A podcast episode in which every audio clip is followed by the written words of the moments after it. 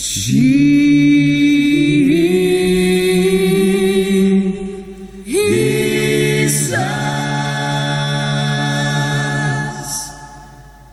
Jesus.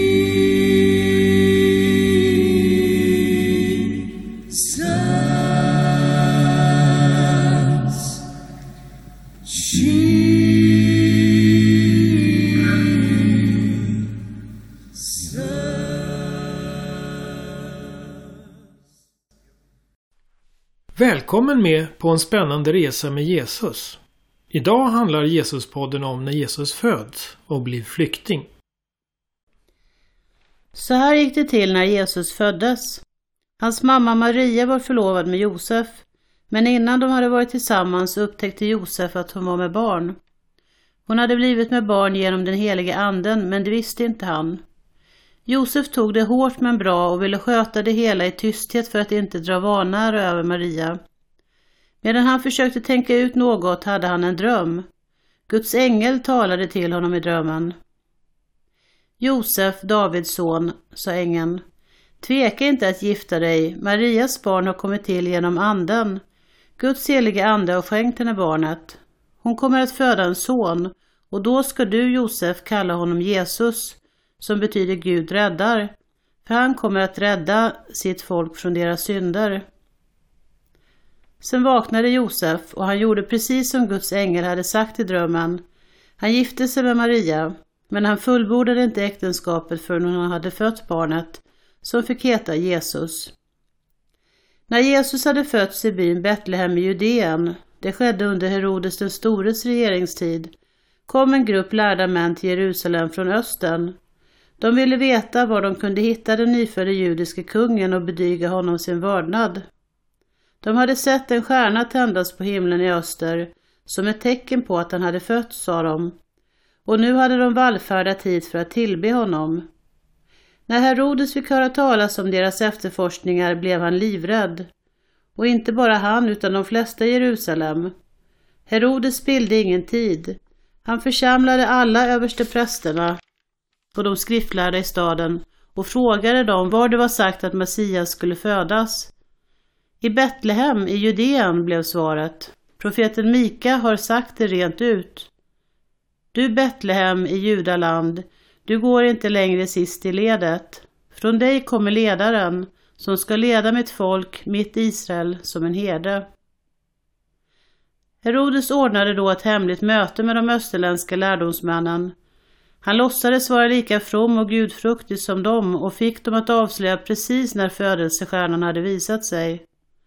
Han berättade för dem om profetian om Betlehem och sa Gå och leta reda på barnet, vänd på alla stenar och låt mig få veta så fort ni hittar barnet så jag också kan komma och betyga det vördnad. De gjorde som kungen hade befallt och gav sig av. Då visade sig stjärnan igen, samma stjärna som de hade sett på himlen i östern. Den ledde dem vidare tills den stannade över stället där barnet fanns. De kunde knappt bärga sig, de hade hittat dit, de hade kommit i tid. De gick in i huset och såg barnet som låg i famnen på sin mamma Maria. Högtidligt föll de på knä och tillbad pojken. Sedan öppnade de sin packning och tog fram gåvor, guld, rökelse och myrra. Men i en dröm blev de varnade för att säga något till Herodes. De valde en annan väg och lämnade Judeen i smyg och återvände hem till sitt land. När de lärde hade gett sig av visade sig Guds ängel igen i en dröm för Josef.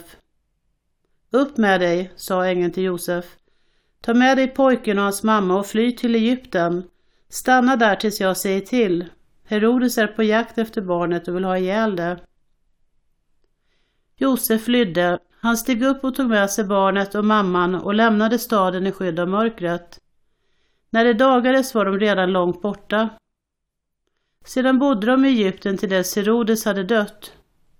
I och med landsflykten i Egypten uppfylldes det som Hosea hade predikat.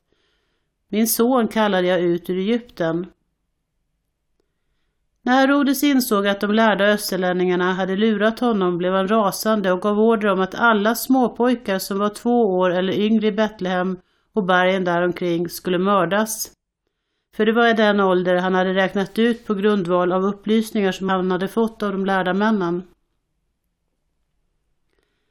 Senare efter Herodes hade dött visade sig Guds ängel i en dröm för Josef i Egypten och sa Vakna, ta pojken och hans mamma med dig tillbaka till Israel. De som ville ha ihjäl barnet är nu döda. Josef flydde, han stod upp, tog med sig barnet och mamman och for hem till Israel. Då fick Josef veta i en dröm att han skulle fortsätta till bergstrakterna i Galileen. Väl där slog han sig ner med sin familj i byn Nasaret. Den flytten uppfyllde de profetiska orden och han ska kallas Nazaré. Jesus.